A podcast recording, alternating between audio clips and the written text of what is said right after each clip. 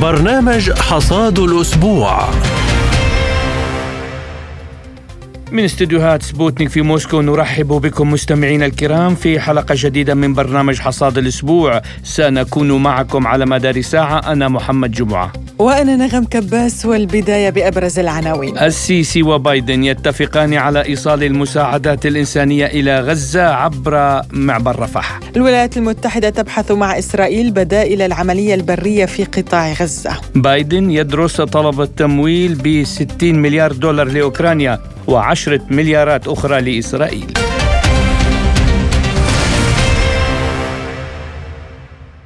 نبدأ التفاصيل من الاتفاق الذي توصل إليه الرئيس المصري عبد الفتاح السيسي ونظيره الأمريكي جو بايدن على إيصال المساعدات الإنسانية إلى غزة عبر معبر رفح بشكل مستدام مع قيام الجهات المعنية في الدولتين بالتنسيق مع المنظمات الإنسانية الدولية تحت إشراف الأمم المتحدة لتأمين وصول المساعدات. وإلى ذلك عمت مظاهرات حاشدة مؤيدة للشعب الفلسطيني معظم الدول العربية والأجنبية وأغلقت الولايات المتحدة سفاراتها وقنصلياتها في عدة دول خوفا من اقتحامها من قبل المتظاهرين يعني للحديث عن هذا الموضوع ينضم إلينا عبر الهاتف مدير المركز العربي للدراسات الاستراتيجية والسياسية الدكتور محمد صادق إسماعيل.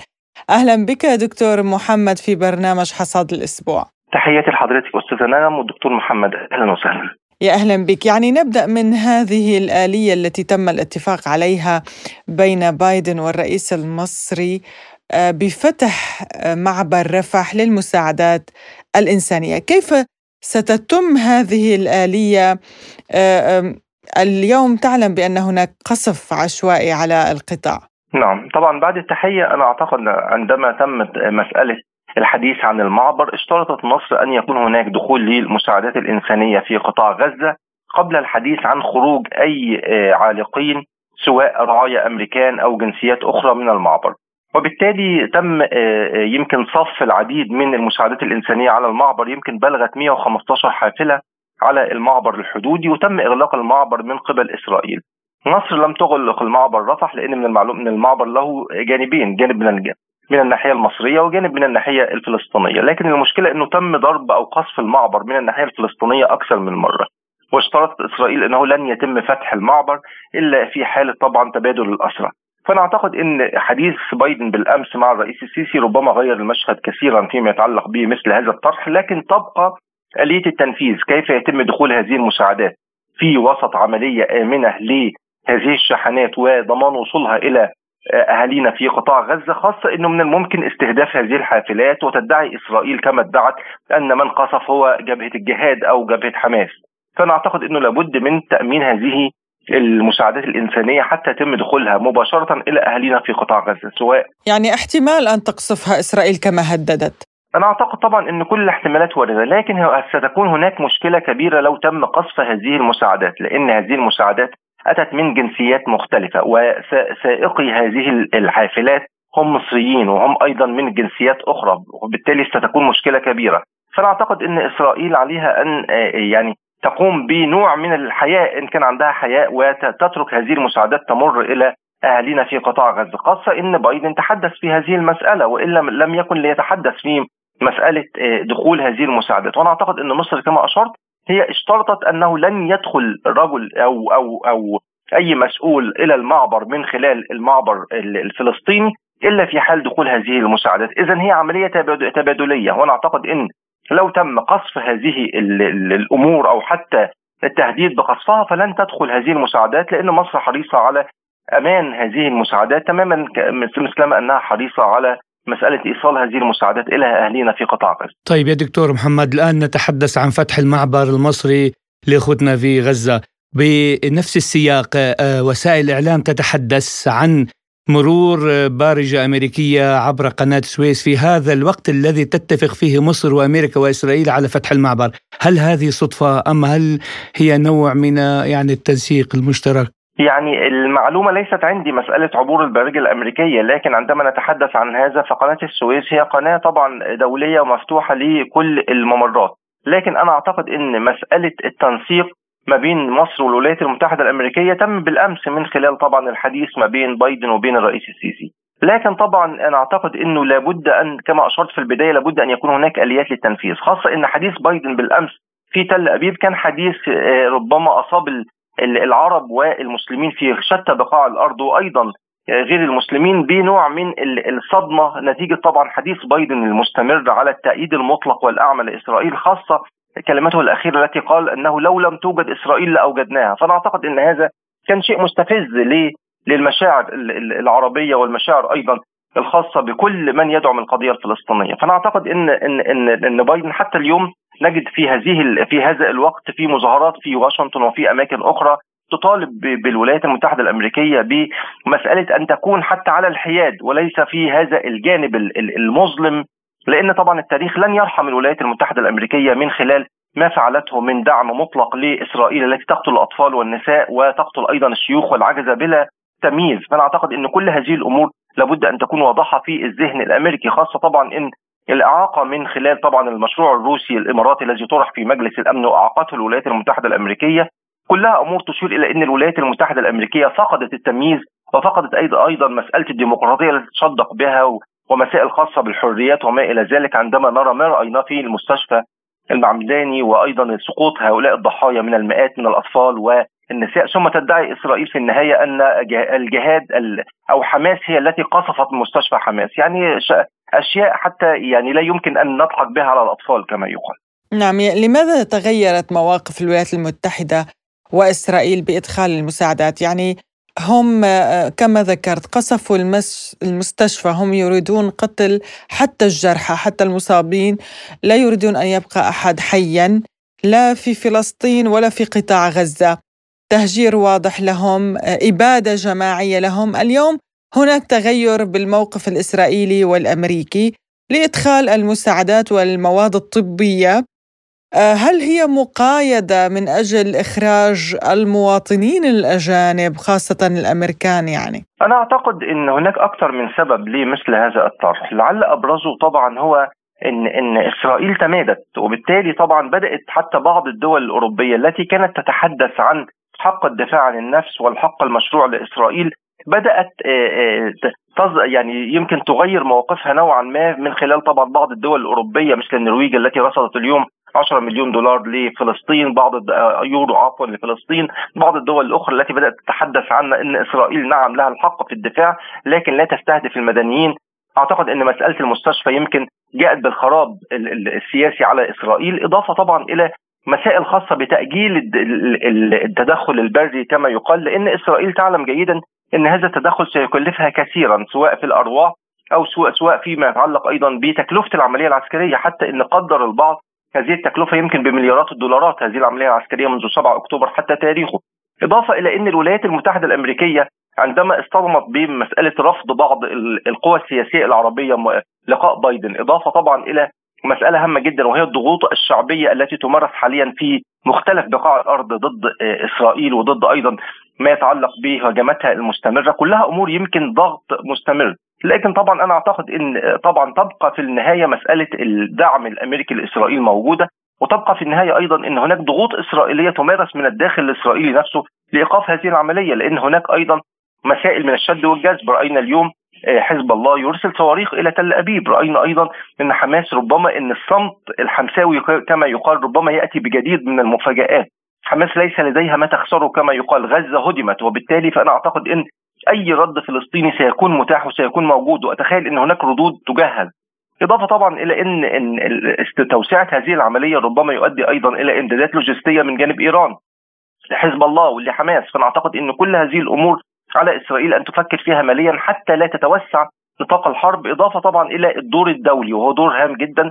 رأينا روسيا آه، وأيضا للعالم العربي باعتبارها صديقة للعالم العربي وأيضا فيما يتعلق بالجانب الروسي الذي يدعم هذه القضية إضافة إلى الجانب الصيني الذي رأينا حديثه اليوم. كلها أمور تؤكد إن ليس العالم كله في بوتقة إسرائيل. بالعكس هناك أيضا قوى كبرى وقوى فاعلة في النظام الدولي مثل روسيا والصين ودول أخرى تؤيد الحقوق العربية وتؤيد حقوق الشعب الفلسطيني. كلها أمور لو دمجناها نجد إن إن فعلا الرؤية تغيرت فيما يتعلق بمسألة دخول المساعدات أو لا. لكن تبقى مسألة ضمان دخول هذه المساعدات إلى أهالينا في غزة بسلام أن تمر بسلام وأن تمر دون إحداث أي عمليات عسكرية إسرائيلية أخرى لأن هذا طبعا سي سي يمكن سيوسع من دائرة هذه العمليات لأن مصر على لسان أحد المسؤولين بالأمس قال إن العنف سيواجه بعنف وان أي اعتداء سيواجه بأي اعتداء. فانا اعتقد إن هذه كانت إشارة واضحة من المسؤولين المصريين لمسألة ضرورة ضمان دخول هذه المساعدات إلى أهالينا في قطاع غزة. دكتور بالنسبة للمساعدات والمعبر نبقى قليلا في هذا الموضوع، يعني قبول إسرائيل آه، إدخال المساعدات الإنسانية عبر المعبر، هل يعني هذا فشل الخطة الإسرائيلية المدعومة أمريكيا لطرد الفلسطينيين وإجلائهم عن أرضهم؟ أنا أتخيل أن هذه مسألة قديمة جديدة مسألة إجلاء الفلسطينيين عن أرضهم. يعني نتحدث في حوالي 300 كيلو متر مربع يقطن فيه ما يزيد عن 2 مليون آه، نسمة. يعني هي أكثر الأماكن كثافة على وجه الأرض. وبالتالي لو سألت أي مواطن داخل غزة أين ترحل سيقول داخل غزة. فأنا أعتقد أن مسألة التهجير هي مسألة تفريغ هذه القضية من الأساس. إذا رحلناهم من غزة إلى مكان آخر انتهت القضية الفلسطينية آه، أصبحت غير موجودة.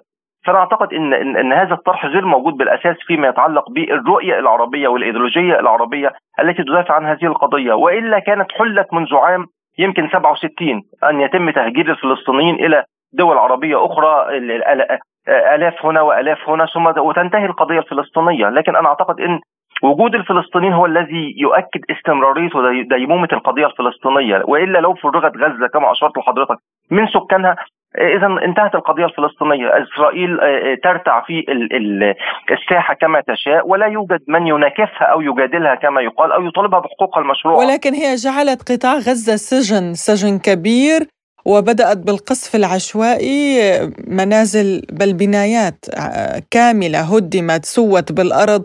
يعني هي آه، قصفت رفح آه، قصفت المباني. الأردن أغلقت المعبر آه، مع فلسطين. يعني هو سجن كبير إبادة جماعية. جمعوهم في هذه المنطقة وبدأوا قتلهم وإبادتهم.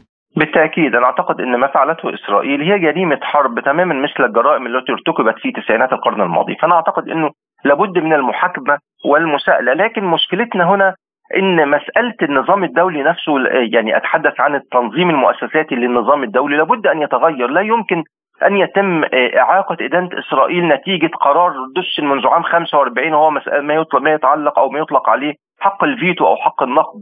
يعني استخدمته الولايات المتحدة الأمريكية منذ 40 يعني دكتور حتى المواقف العربية جدا جدا مخجلة بصراحة. يعني أكثر من 11 يوم قصف عشوائي على مدنيين العرب لم يتحركوا يعني إذا لم ننظر إلى المجتمع الدولي الذي هو يدعم إسرائيل بالمطلق ماذا عن العرب؟ هل هم أيضا يدعمون إسرائيل بالمطلق؟ يعني أتخيل إن مشكلتنا أستاذ نغم داخل العالم العربي هي مشكلة أيضا تتعلق بمسألة توحيد الرؤى، نعم كلنا نؤيد القضية الفلسطينية، لكن من الناحية الفعلية أو التطبيقية على أرض الواقع، وأعطي لحضرتك مثالين في عجالة. في خمسينات القرن الماضي دشنت معاهدة الدفاع العربي المشترك وتم وقتها بعدها في عام 2015 طرح الرئيس السيسي ما يعرف بمشروع القوة العربية المشتركة وعلى أن تكون هناك تنظيم لهذه القوة وأن تكون هذه القوة موجودة للدفاع عن أي قضية عربية. وللأسف أيضا إن بعض الدول العربية هي التي رفضت تنفيذ هذا المشروع حتى يعني وقد فأنا أعتقد إن المشكلة في عالمنا العربي إن هناك الكثير من المعوقات والمشكلات. لن أتحدث عن الجامعة العربية فلديها مشاكلها. فأنا اعتقد لكن أنا أعتقد إن المسألة العربية لابد أن يكون هناك نوع من التفعيل لقضايانا العربية بشكل أفضل. لدينا أسلحة كما يقال ليست أسلحة عسكرية لكن أسلحة اقتصادية. لدينا علاقات اقتصادية قوية. لدينا أيضا موارد اقتصادية قوية من الممكن أن نضغط بها. على سبيل المثال عندما نرى العلاقات العربية الصينية نجد أن حوالي معدل التبادل التجاري يمكن يقفز على حوالي 400 مليار دولار ما بين العرب وبين الصين. إذا نظرنا إلى إسرائيل والصين لن نجد أن هذا الرقم ربما حتى عشره. فيما يتعلق بمعدلات التبادل التجاري. من الممكن أن نستغل هذه العلاقات الاقتصادية أن نضمن أن الصين تكون معنا على سبيل المثال كأحد الدول الركيزة في العالم. على سبيل المثال روسيا لديها علاقات سياسية جيدة مع العالم العربي. لماذا لا يتم البناء على مثل هذه العلاقات في خدمة القضية الفلسطينية؟ فأنا أعتقد إن الطروحات موجودة. أيضا من الممكن أن أن تقل استثماراتنا في في الدول الأوروبية أو أو الولايات المتحدة الأمريكية التي طالما تؤيد إسرائيل حتى نعاقب هذه الدول على ما تفعله لكن المشكلة هنا أن القرار العربي ليس قرار موحد فيما يتعلق بكل القضايا هناك قضايا لها قرار موحد وهناك قضايا لها أكثر من قرار وبالتالي طبعا يتم تعطيل ال ال كما يقال مصطلح القديم الجديد الوحدة العربية أو التضامن العربي فيما يتعلق بالقضية الفلسطينية. وأنت قلتها نعم دكتور يعني يبقى التعويل على الشعوب العربية لا في العراق ولا في الشام موعدنا على الثنية منحطين لقيانا. الدكتور محمد صادق إسماعيل رئيس المركز العربي للدراسات السياسية والاستراتيجية. كنت معنا ضيفا عزيزا في حصاد الأسبوع. شكرا لكم. شكرا جزيلا. جزيل الشكر.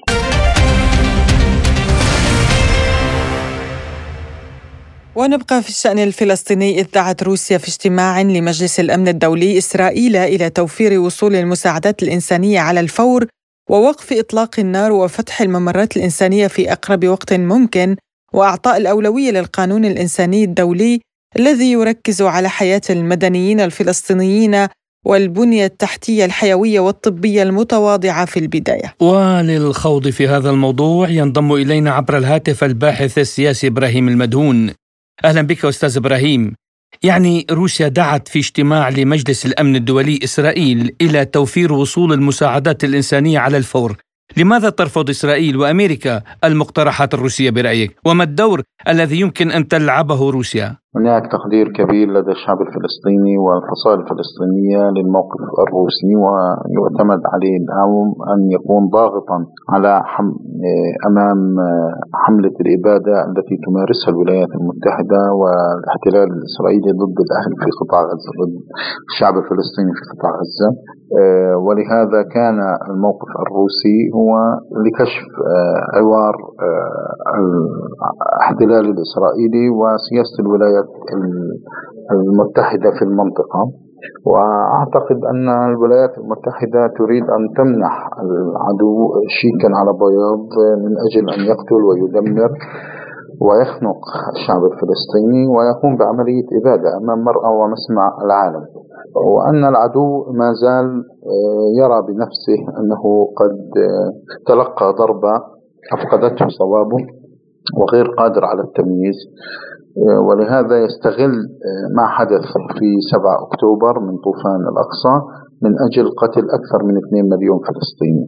اليوم مهم جدا الدور الروسي يجب أن يكون هذا الدور ضاغط خصوصا أن الولايات المتحدة الأمريكية لا تريد أن تكتفي فقط في قطاع غزة هي تريد أن تعيد تفكيك وتركيب منطقة الشرق الأوسط بما يوائم مصالحها.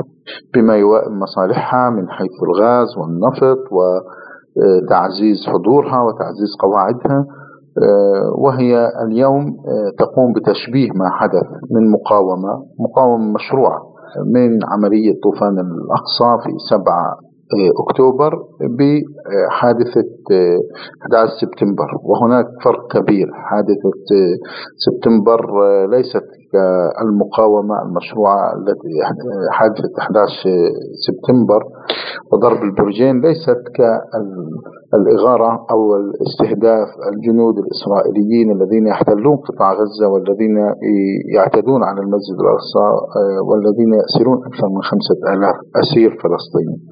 أمر مختلف الشعب الفلسطيني وحماس تحت الاحتلال ومن حق الشعب الشعوب المحتلة أن تقاوم ولهذا من الضروري أن يكون لروسيا موقف آه، لحماية منطقة الشرق الأوسط من المشاريع الأمريكية ومن النازية الجديدة الممثلة بإسرائيل التي تقتل وتبيد بدون أي حساب. نعم أستاذ إبراهيم يعني البرلمان العراقي أعلن تسليم مذكرة احتجاج رسمية إلى مكتب حقوق الإنسان تتضمن اعتبار ما يحصل في غزة جرائم إبادة جماعية وأحالته إلى محكمة الجنائية الدولية هل تتوقع أن يستجيب المجتمع الدولي الصامت على قتل المدنيين؟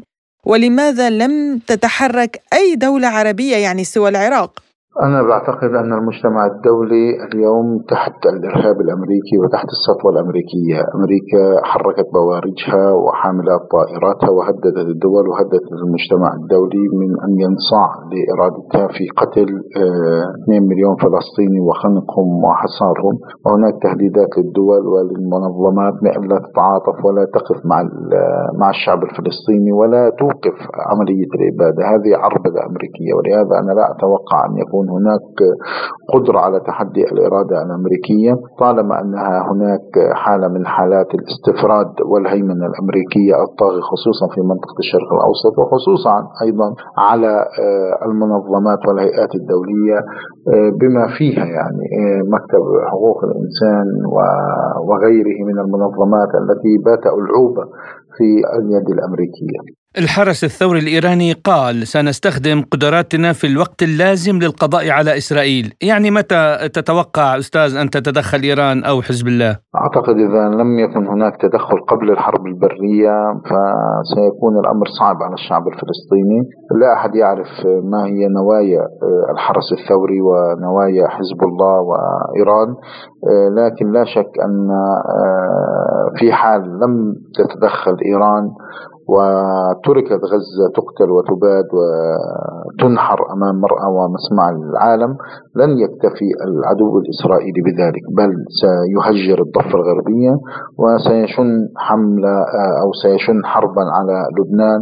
وربما الولايات المتحدة تضرب إيران. بمعنى إذا تدخلت أو لم تتدخل إيران في إذا لم تتدخل إيران في الوقت المناسب أيضا الولايات المتحدة هناك نوايا لتغيير قواعد اللعبة في المنطقة. آه، اليوم الولايات المتحدة بعد عملية طوفان الأقصى أضحى آه، لديها دافعية واندفاع للعودة إلى الشرق الأوسط وإعادة تنفيذ مخططاتها. كانت في السابق قد اعتمدت على آه، إسرائيل أن تقوم بذلك لكن إسرائيل خذلتها أو إسرائيل فشلت أمام طوفان الأقصى وظهر ضعفها وتآكلها صغرها فإذا أمام حماس لم هزمت وتم يعني توجيه ضربة قاسية وكبيرة لجيشها فما بالك أمام حزب الله وإيران؟ ولهذا اليوم أمريكا استغنت عن إسرائيل وبدأت بنفسها تعود للمنطقة بعتقد ستضرب كل القوى المعارضة لهذا من مصلحة إيران اليوم أن تتدخل بأقصى سرعة في حرب بعتقد أنها مقبولة آه، شعبيا وجماهيريا أفضل من انتظار آه، أن يتم القضاء على المقاومة الفلسطينية أو يتم القضاء على غزة ومن ثم يتم الالتفات إلى إيران وحزب الله.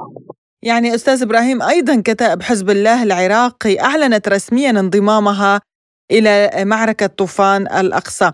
ما الفرق الذي يحدثه هذا الأمر في المعركة؟ هل يمكن أن يخفف الضغط على حماس في قطاع غزة برأيك؟ لا شك دخول أي فصيل من فصائل المقاومة الفلسطينية هو يعني يعتبر عملية إسناد ودعم ويؤثر في إيجابيا لصالح المقاومة الفلسطينية ومقاومة الاحتلال. آه، لكن هذا لا يكفي. يجب أن تكون هناك دول تدخل. يجب أن تكون هناك فصائل مختلفة في العراق واليمن وسوريا ولبنان والأردن ومصر وكل منطقة. يجب أن تبدأ تتحرك من أجل الضغط لأنه هذا العدو لن يكتفي بقطاع غزة هذا العدو تهديد استراتيجي الآن. هذه الحملة التي تقودها الولايات المتحدة مع الاحتلال الإسرائيلي ليست فقط ضد غزة هي ضد مصر في الدرجة الأولى ضد لبنان ضد المنطقة. يريدون أن يغيروا شكل المنطقة لترضخ للإرادة الأمريكية. حتى آه، موسكو هي معنية اليوم أن يصبر أهالي قطاع غزة ويجب أن يعاد التفكير آه، أثبتت المقاومة الفلسطينية أنها أهل ثقة بأن تقاوم وتغير المعادلات. يجب دعمها من الدول الكبرى. اليوم آه، الولايات المتحدة تريد أن تفرض هيمنتها وتبسط يدها على المنطقة بل وعلى العالم من خلال إبادة أهالي قطاع غزة. يجب على الجميع الآن إيقاف عملية الإبادة التي يتعرض لها القطاع فقط لأنهم أرادوا مقاومة الاحتلال وأرادوا استرداد أسراهم وأرادوا الدفاع عن أقصاهم. أستاذ بالنسبة لوزير خارجية روسيا سيرجي لوفروف قال أن خطر تطور الصراع الفلسطيني الإسرائيلي إلى حرب إقليمية أمر جدي للغاية. هل تتوقع توسع الصراع؟ وما الأسباب التي قد تؤدي إلى ذلك؟ أنا مع ما قاله وزير الخارجية الروسي. هناك خطر كبير أن تمتد هذه الحرب برضا وبالغصب معنى أن الولايات المتحدة لن تقف عند قطاع غزة حتى لو لم يكون هناك إسناد ومواجهة لعملية الإبادة من قبل القوى الإقليمية. الولايات المتحدة ستفرض بسط وستبسط سيطرتها ونفوذها وستعمل على مهاجمة دول أخرى بعد قطاع غزة. لهذا مهم جدا أن يتنبه العالم تتنبه القوى الدولية مثل روسيا والصين. يجب أن تتنبه الدول الإقليمية مثل تركيا. ومصر آه، والسعودية أن الأمريكي عائد من أجل فرض آه، وإدامة سيطرته. الآن هل الأمريكي قادر على ذلك؟ أعتقد إذا كانت حماس لوحدها واجهت كل ذلك فما بال لو كان هناك حالة إسناد حقيقية من دول مثل روسيا والصين أو آه، وهناك وقفة حقيقية من مصر والأردن ولبنان وسوريا. والعراق.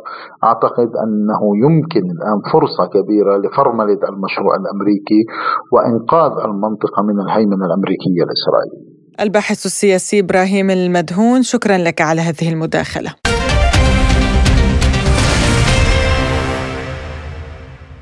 وفي سياق متصل قال الرئيس الأمريكي جو بايدن إن واشنطن تناقش مع قادة إسرائيل البدائل الممكنة للعملية العسكرية البرية الإسرائيلية في قطاع غزة.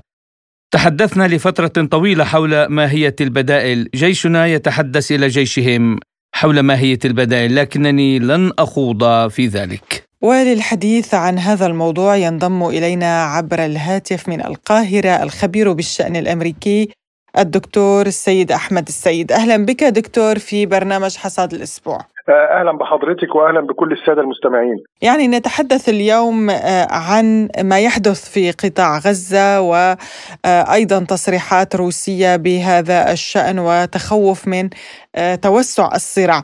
هل نتحدث اليوم عن مشاركة واشنطن الفعالة في تطوير وتنفيذ عملية برية جديدة آه، في القطاع أم أن البيت الأبيض يحاول إقناع إسرائيل بالتخلي عن فكرة الحل العسكري للصراع؟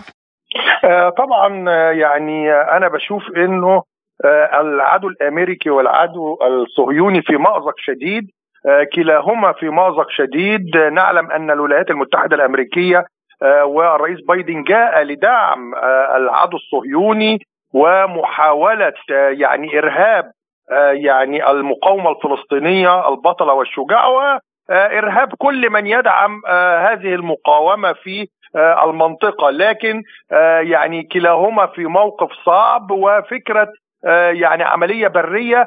الجميع يعلم ويعني نتنياهو أعلن منذ اللحظة الأولى أن هناك عملية برية. لكن العملية البرية بعد طوفان الأقصى فيها صعوبة شديدة. آه، لأنه آه، يعني آه، كان هناك اختراق لمخابراتي واختراق للقبة الحديدية وخطف اسرى ويعني السيطرة على بعض المستوطنات.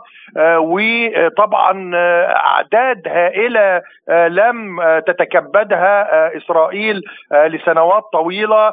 شايفين ما يقرب من 2000 يعني قتيل إلى جانب آلاف الجرحى الجرحى العملية كبيرة وهم في مأزق حقيقي خاصة وأن الأسرى أصبحوا دروع بشرية بالداخل. آه، وإلى جانب طبعا الأجانب الموجودين بداخل غزة. ولكن إسرائيل تقصف دون تمييز يعني كأنه آه، لا فرق لديها. مواطن إسرائيلي أسير آه، مواطن أمريكي لا فرق لديها تقصف بشكل عشوائي. يعني تقصف بشكل عشوائي نعم لكن العملية البرية آه، يعني تعلم جيدا إنه المقاومة الفلسطينية أصبحت لديها آه، يعني أسلحة نوعية ويمكن أن ترد عليها وتكبدها خسائر كبيرة في الأرواح والمعدات وهذا يعني مهم بالنسبة لها. نعلم جيدا إنه الداخل الصهيوني المستوطنين الصهاينة منتفضين ويعني يقفوا ضد يعني العملية ويقفوا ضد باستثناء طبعا آه، المتطرفين منهم. لكن الغالبية وخايفه على أرواحها وكثير من المستوطنين أكثر من مليون مستوطن غادروا خلال العامين الماضيين نتيجة ضربات المقاومة بالداخل. أنا أعتقد إنه الآن وإحنا شايفين وفقا للضغط الداخلي أكثر من 2 مليون على استعداد لمغادرة يعني الأراضي الفلسطينية المحتلة والعودة من حيث اتوا فقط يعني يسمح لهم قاده الجيش ورأينا ذلك يعني دكتور رأينا أنه آه، إسرائيليين من جنسيات أخرى أيضا هاجروا بالفعل وعادوا إلى بلادهم إن كان إلى ألمانيا إلى روسيا إلى هولندا إلى عدة مناطق أخرى. صحيح هذا هذا هو ما يؤكد على إنه الداخل مشتعل الداخل الصهيوني مشتعل والمستوطنين آه، الصهاينة يعني تأكد لهم أن هذه الأرض ليست أرض الميعاد وليست الأرض التي وعد بها الرب وليست الأرض الآمنة. وبالتالي آه، هم يعني يحملون آه، جوازات سفر أصلية من الدول التي أتوا منها. والآن يفكرون في العودة وإذا فتح لهم نتنياهو الحدود الآن والمطارات الآن الآن آه، ستجدي آه، يعني آلاف بل ملايين آه، يعني ينطلقون بخارج ويعودوا من حيث اتوا بس يا دكتور هم موجودون يعني. هذا حالة فردية شخصية يخرجون من يخاف إلى آخره.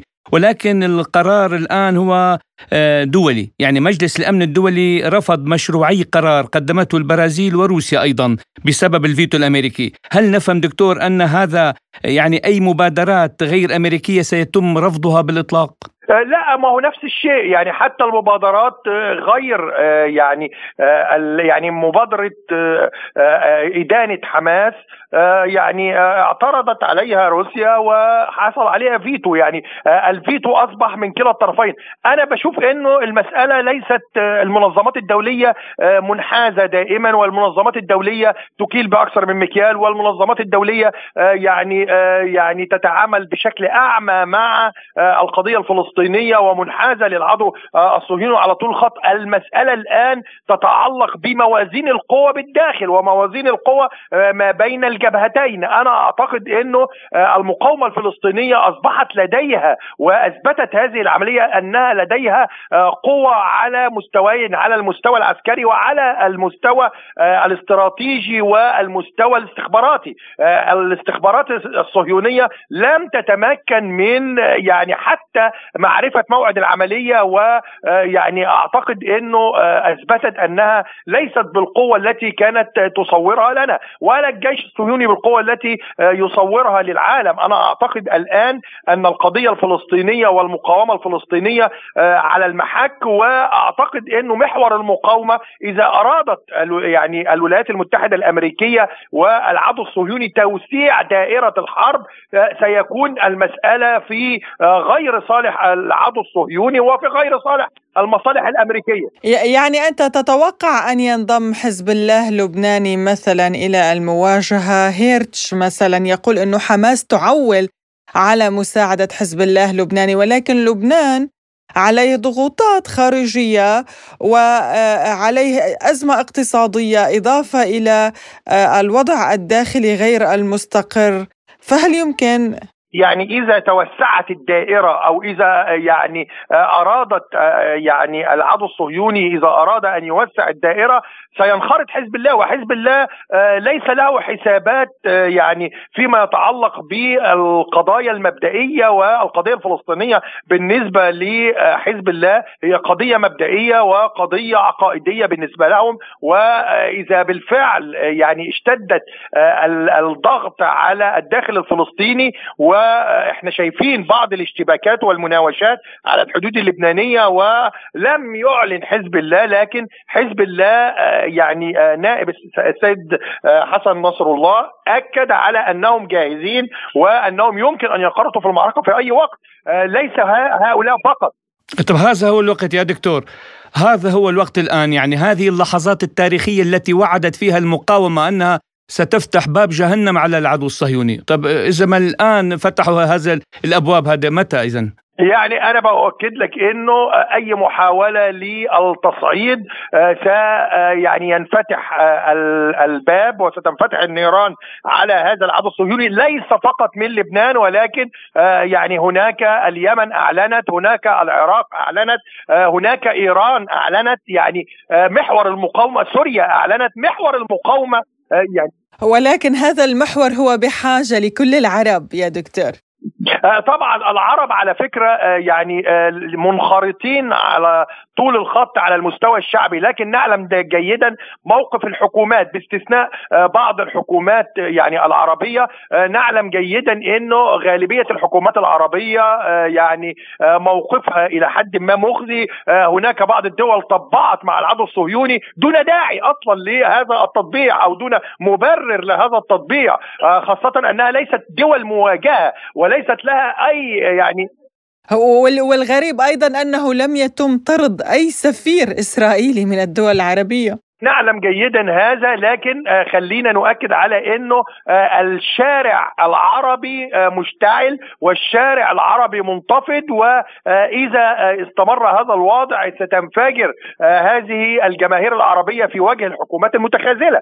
يعني واضح إنه الوضع قد يؤدي إلى مظاهرات حاشدة نعم في عواصم العربية. ما فيش عاصمة من العواصم إلا وأبدت حتى من لا يبدي آه، على العلن آه، يعني عشان نعرف آه، الواقع الحقيقي. ندخل على مواقع التواصل الاجتماعي داخل هذه الدول العربية التي حتى لم تعلن ولم تخرج في عواصمها تظاهرات كبرى على مواقع التواصل الاجتماعي مواطنيها يعني منتفضين إلى حد كبير ويقفوا ضد الإرادة الحكومية وي يعلنون أنهم آه، مع القضية الفلسطينية ويعتبرون القضية الفلسطينية هي القضية المركزية لهذه الأمة. آه، المدمرة الأمريكية اليوم عبرت قناة السويس وذلك لضمان الأمن وسط تدهور الأوضاع الأمنية في المنطقة كما قال الأمريكان يعني. كيف يمكن تفسير الموقف المصري من جهة يسمح للمدمرة بالعبور من جهة أخرى يسمح بعبور المساعدات إلى قطاع غزة علما أن الرئيس الروسي فلاديمير بوتين بالأمس قال خلال مؤتمر صحفي في بكين أنه روسيا تقا... تراقب عن كثب تحركات الأمريكان والبوارج الأمريكية في المتوسط. اولا آه، طبعا مصر موقفها موقف مبدئي مصر موقفها موقف معلن منذ البداية. مصر أصلا مستهدفة لأنه جزء من هذه العملية التي تتم الآن آه، يعني ضغط على مصر من أجل يعني إعطاء وطن بديل لأشقائنا الفلسطينيين على الأرض المصرية في سيناء. ومصر رفضت هذا وترفض هذا ومصر هي التي ضغطت من أجل عبور المساعدات وقالت المساعدات مساعدات مقابل خروج آه، المواطنين آه، الاجانب وضغطت في هذا الامر ولا زالت تضغط من أجل آه، مرور المساعدات ورفضت رفض تام على المستوى الرسمي والشعبي ان يكون هناك اي يعني محاولات لاستيطان للفلسطينيين على الأرض المصريه هذا لماذا اذا عبرت قناه السويس هذه ممر قناه السويس ممر دولي يعني خلينا نؤكد على ان إنه آه، قناة السويس ممر دولي بس هون حالة حرب يا دكتور. هون حالة حرب يعني. حالة إبادة لشعوب. حالة حالة الحرب حالة الحرب معلنة ضد مصر. يعني خلينا بس نبقى يعني بنتكلم وفقا للقانون الدولي. أنا بتكلم وفقا دلوقتي للقانون الدولي لكن إرادتي أنا وإذا كنت تتحدث عني أنا آه، وعن الإرادة الشعبية المصرية التي أتحدث آه، يعني عبرها أنا بأؤكد لك إنه الإرادة الشعبية كانت ستمنع هذا وترفض عبور هذا وتعتبر أننا في حالة حرب. لكن القيادة المصرية تتعامل وفقا للقوانين الدولية وتتعامل بحكمة مع هذا الملف الأمن القومي المصري خط أحمر الأمن القومي العربي خط أحمر. مصر مع القضية الفلسطينية قلبا وقالبا وتسعى لوقف نزيف الدم وتسعى لحل لهذه القضية. لكن خلينا نؤكد على أننا آه، يعني إذا كانت العدو الأمريكي يحاول أن يجرجر مصر إلى مواجهة أو يعني العدو الصهيوني يحاول أن يجرجر مصر إلى مواجهة هذه المواجهة لن نكون البادئين فيها لكن سنرد بقوة إذا ما حاولت آه، العدو الأمريكي والعدو الصهيوني أن يعبث بالامن القومي المصري أو يحاول أن يسعى إلى محاولة نقل المعركة إلى الأرض المصرية. يعني ما بعرف آه، ما فيني إلا ذكرت بيت شعر يعني الشعوب العربية لن يكون لها إلا موقف واحد يجب أن يكون الجميع ضد هذا العدو ضد هذا الذئب الأغبر يعني القادم لقتل شعوبنا الفقيرة المستكانة. اذا شكرا لك دكتور الخبير بالشأن الأمريكي الدكتور محمد سيد أحمد شكرا جزيلا لكم على هذه المداخلة الرائعة.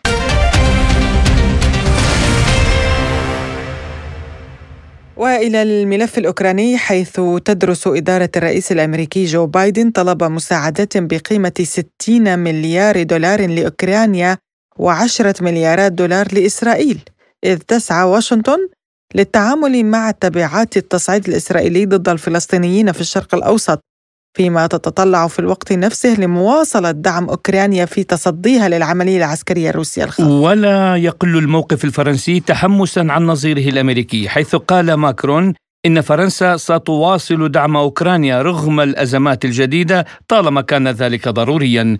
للحديث أكثر عن آخر التطورات في الحرب الأوكرانية ينضم إلينا الكاتب والباحث في العلاقات الدولية الدكتور محمد نادر العمري. أهلا بك دكتور محمد في برنامج حصاد الأسبوع. ما قاله الرئيس الفرنسي إيمانويل ماكرون إن فرنسا ستواصل دعم أوكرانيا رغم الأزمات الجديدة. يعني هل هذا قرار سيادي من باريس أم أن واشنطن بدأت مرة أخرى بالضغط على حلفائها؟ بداية كل التحية لكم وللسادة متابعين سبوتنيك وكل متابعين برنامج حصاد الأسبوع بطبيعة الحال ما تحدث به الرئيس الأوكراني يمكن وضعه ضمن سياقين السياق الأول بأن اليوم فرنسا هي تستغل انشغال الولايات المتحدة الأمريكية في التطورات الحاصلة في منطقة الشرق الأوسط وبخاصة في الأراضي المحتلة وتسعى لأن يكون لديها دورا منفردا بطبيعة الحال في إدارة الحرب في, في أوكرانيا لسببين. السبب الأول بأن هناك نزعة من قبل فرنسا هي عودة فرنسا للعب دور ريادي على مستوى النظام الدولي كما كان هو عليه الحال قبل الحربين العالميتين الأولى والثانية. السبب الثاني أعتقد بأن اليوم هناك آه، قراءة من قبل الأوروبيين أنه في حال تغير الإدارة الأمريكية الحالية أي إدارة الديمقراطيين وقدوم ترامب سيكونون آه، خاضعين للابتزاز السياسي كما كان عليه الوضع أثناء ولاية ترامب في آه، قبل مجيء الرئيس آه، بايدن وبالتالي هذين السببين هما يعني بشكل أساسي يدفعان فرنسا وماكرون بشكل خاص لتعويض الخسائر الناجمة عن انحسار نفوذ فرنسا في في إفريقيا. السبب الثاني أعتقد بأن فرنسا اليوم تريد من هذا التصعيد محاولة إيجاد موقع لها في إطار التفاوض السياسي. وقد يكون هناك بطبيعة الحال اليوم دعنا نقول نوع من الضغوط التي تمارسها واشنطن أو يعني توجه السياسة الأمريكية الآن أو الإدارة الحالية الآن للانشغال بمنطقة الشرق الأوسط وبالانتخابات الرئاسية وبالتالي قد تكون قد وجهت إلى حلفائها بأن يقودوا المرحلة القادمة في إدارة الحرب الأوكرانية لكي لا يكون هناك دعنا ما نسميه يعني يمكن أن يكون هناك نوع من التقاعس أو تقليل الجهود آه، في إطار آه، الاستمرار الحرب الأوكرانية في حال انشغال الولايات المتحدة الأمريكية في الانتخابات الرئاسية وكذلك في التطورات المتوقعة فيما يتعلق بتطورات فلسطين المحتلة. بالتالي يعني ما بين آه، يعني مجموعة من الأسباب لا يمكن حصرها فقط بأن فرنسا تريد أن يكون لديها قرار سيادي بالمطلق لأنها لا تمتلك الإمكانات غير آه، ذلك لأنها في نهاية الأمر هي تعمل تحت المظلة الأمريكية. وفي ذات الوقت هي تريد أو يريد ماكرون أن يكون لديه مساحة من العمل في الدائرة الأوروبية لكي تستعيد أوروبا نوعا ما آه، آه، يعني دورها الريادي في على الساحة الأوروبية وكذلك على الساحة الدولية. يعني جو بايدن قال بأنه سيرسل مساعدات إلى أوكرانيا بحوالي 60 مليار دولار وأيضا إلى إسرائيل عشرة مليارات. ما مدى واقعية هذا الأمر قبل انطلاق الانتخابات الرئاسية في الولايات المتحدة؟ توجه الرئيس الأمريكي آه، باتجاه الكونغرس لطلب ما يقارب من مليار 100 مليار دولار عفوا آه، آه، يعني كمساعدات خارجية لكل من أوكرانيا والكيان الإسرائيلي. يعني أعتقد بأنه توجه يحمل أكثر من دلالة. الدلالة الأولى هي توجه أو سعي الأمريكي إلى القول بأنه في ظل ما يحصل اليوم من تطورات فإن الإدارة الأمريكية ما زالت تحافظ على حلفها وبالتالي تقديم صورة خارجية لهذه لهذا الكيانات سواء في أوكرانيا أو للكيان الإسرائيلي بالاستمرار بتقديم الوعود وكذلك محاولة الضغط آه، لتحقيق آه، أي إنجاز آه، سياسي وعسكري في هذين الملفين وكذلك دفع الدول الأخرى تقديم المزيد من المساعدات. إضافة إلى ذلك هناك هدف داخلي اليوم بايدن يسعى إلى استقطاب التبرعات واستقطاب الدعم اللوبي الإسرائيلي واليهودي واستقطاب أيضا أصوات الناخبين الأمريكان وأصوات الناخبين اللوبيين اليهود الذين يعني يحملون الجنسية الأمريكية. وبالتالي أعتقد بأن آه، توجه بايدن للحديث وطلب من كونغرس تخصيص 100 مليار دولار بما فيها 60 مليار دولار إلى أوكرانيا. هي القول بأن يعني قضايا الشرق الأوسط لا, لا لن تشغل آه، الولايات المتحدة الأمريكية وهو في ذات الوقت لا يريد منح آه، روسيا فرصة آه، لاستغلال انشغال الولايات المتحدة الأمريكية في في فيما يتعلق بتطورات فلسطين أو في الانتخابات الأمريكية وهو يريد أيضا من خلال ذلك القول للحلفاء الولايات المتحدة الأمريكية وبخاصة الأوروبيين. يجب عليكم أن تقدموا المزيد من الدعم المادي والعسكري يعني في ظل اليوم ما يحصل من تطورات متعددة في الساحات الدولية. وبالتالي أعتقد بأن هدف بايدن بالدرجة الأولى هو داخلي لاستقطاب التأييد أصوات الناخبين للوبي الإسرائيلي واليهودي وكذلك للشركات وتأييد يعني حصول على تأييد من مجمع الصناعات العسكرية وتأثير ذلك حتى في الانتخابات. استقطاب الدعم المادي للمتبرعين في الانتخابات القادمة على المستوى الخارجي.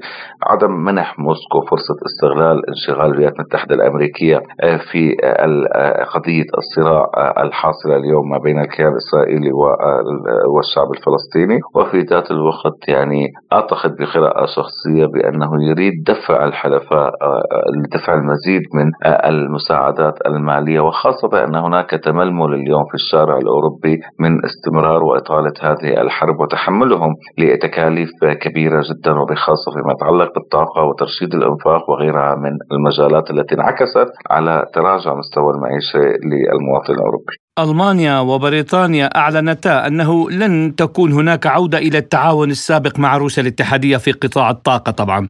هل يمكن القول أن أوروبا ستواجه أزمة طاقة أكثر خطورة في المستقبل القريب حيث لم تتمكن أي دولة أوروبية من الاستقلال التام عن موارد الطاقة الروسية؟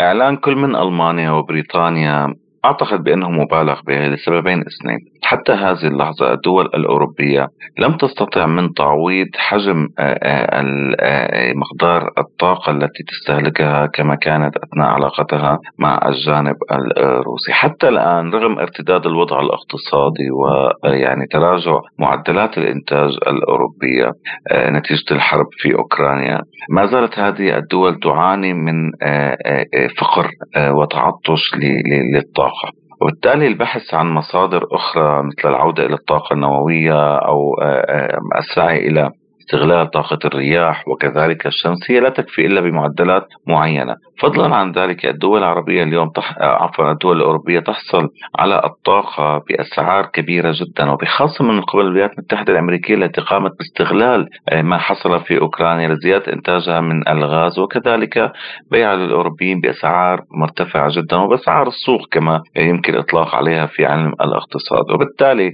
أعتقد بأن الصناعة الألمانية وكذلك المنتوجات الألمانية هي ستشهد في مثل هذه الحالة ركود لأن اليوم الصادرات الألمانية في مرحلة معينة كانت تعتمد على الطاقة وبخاصة من حيث الإنتاج وبأسعار يمكن القول بأنها كانت مقبولة لدى كثير من الدول ولكن في حال حصولها على الطاقة بأسعار مرتفعة هذا يعني بأن قيمة الإنتاج قد ترتفع وبالتالي سيكون هناك البحث عن منتجين جدد وبالتالي سيتعرض الاقتصاد الألماني في مرحلة معينة إلى الانكماش إلى الركود ربما قد نشهد حتى تحولات يعني اجتماعية نتيجة هذا الوضع الاقتصادي.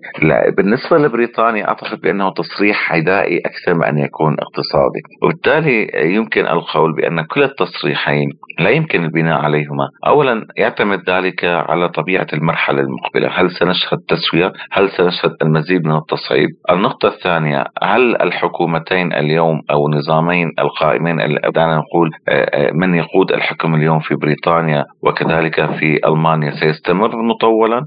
يعني في حال حصول انتخابات وتغير الاصطفاف السياسي ما بين المعارضة وكذلك يعني الأحزاب الفائزة أو التوجهات الفائزة. هذا هذا يعني بأن قد يكون هناك تغير في معالم السياسة الخارجية. وفي حال توصل إلى تسوية فيما يتعلق بأوكرانيا أعتقد بأن بأن الأمور ستتغير بشكل كبير. دعني أعود بك إلى ما حصل أثناء الحرب العالمية الثانية.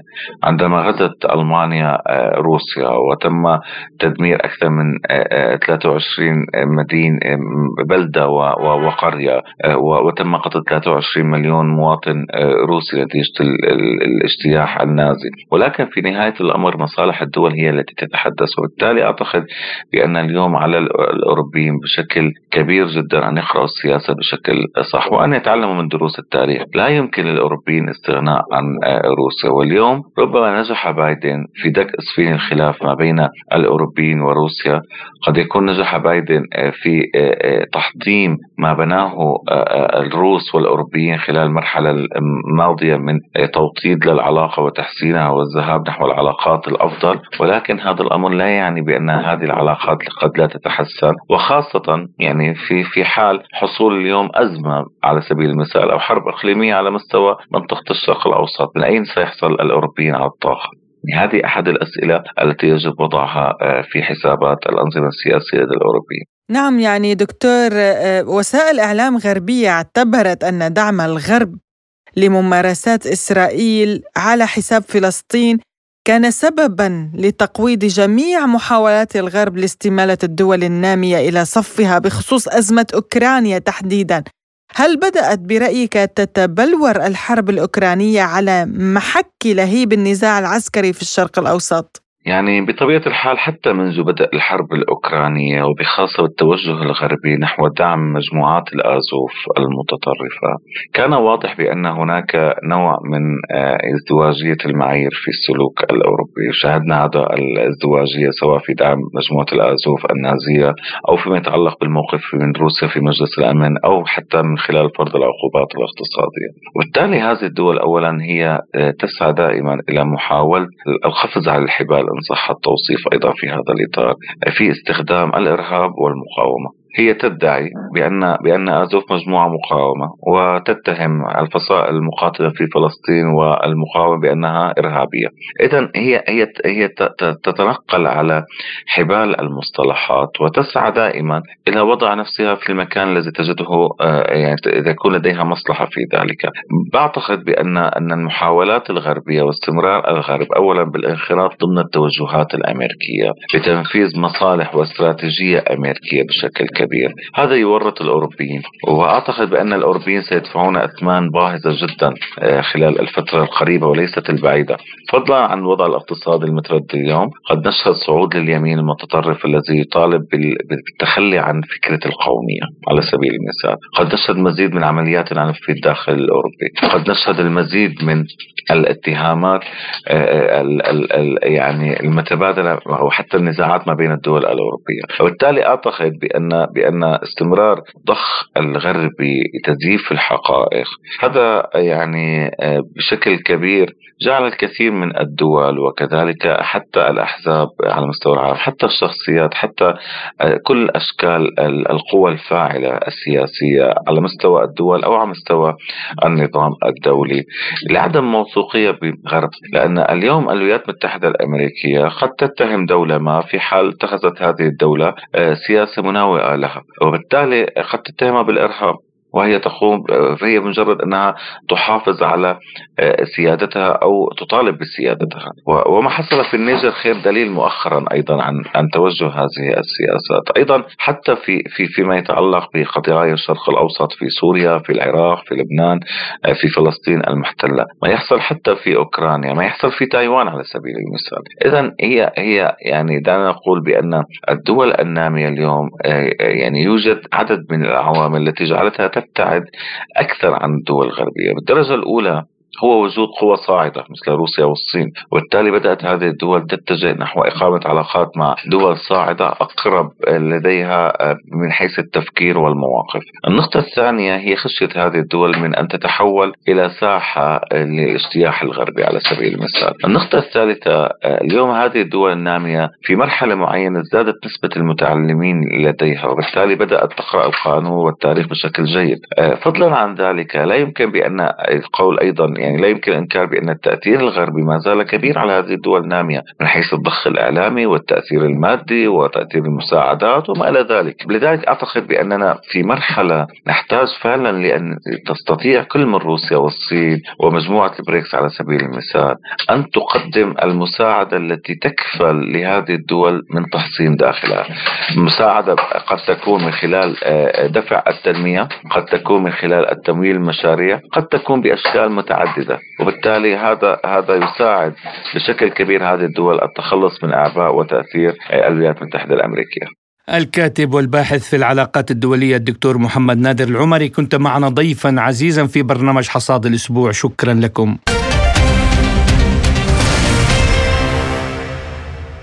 ولدينا أيضا في حصاد الأسبوع روسيا تدعو إلى جانب 14 دولة من بينها بيلاروسيا وفنزويلا وإيران والصين إلى تعزيز آلية الأمين العام للأمم المتحدة للتحقيق في حالات الاستخدام المحتمل للأسلحة الكيميائية والبيولوجية. وللمزيد حول هذا الموضوع ينضم إلينا عبر الهاتف الخبير بالشأن الإيراني إبراهيم شير. أستاذ إبراهيم يعني لماذا يغض المجتمع الدولي الطرف عن حقيقة أن دولا مثل إسرائيل وأوكرانيا تستخدم بالفعل الأسلحة المحظورة بكل قدراتها العسكرية. في البداية تحية لكم وللمجتمع الكريم. في البداية إسرائيل ليست دولة. إسرائيل هي كيان غاصب قام على أراضي الدولة الفلسطينية وبالتالي لو أردنا الدخول في الموضوع الأساسي الأمم المتحدة هي أداة فعليا هي أداة بيد الولايات المتحدة منذ بدايتها إلى اليوم.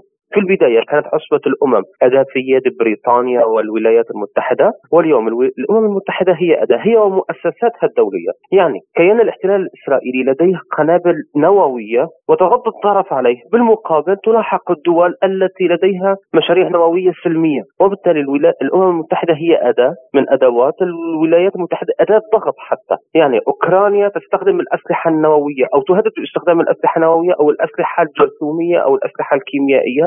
ويتم غض الطرف عنها. بالمقابل سوريا الدولة التي سلمت الأسلحة اللي كانت لديها من أسلحة كيميائية باعتراف أممي وبإشراف أممي على تفكيك هذه الأسلحة إلى اليوم تمارس أدوات الضغط عليها تحت مزعم الأسلحة الكيميائية. وسوريا سلمت هذه الأسلحة.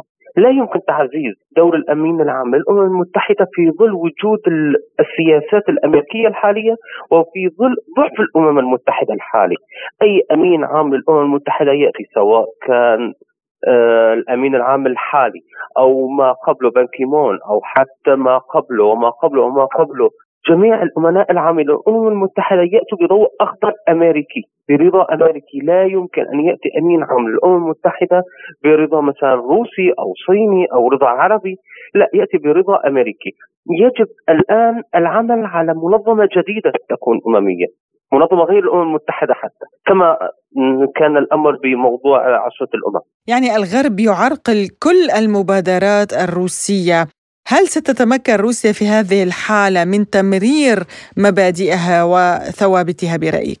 لن تتمكن روسيا من تمرير أي مشروع يخدم القضية الفلسطينية أو يخدم الفلسطينيين أو يخدم السوريين في سوريا أو يخدم أي قضية مبدئية. الأمم المتحدة في هيكلها الحالي هي منظمة ديكتاتورية. الأمم المتحدة اليوم فقط خمس دول تتحكم بقراراتها.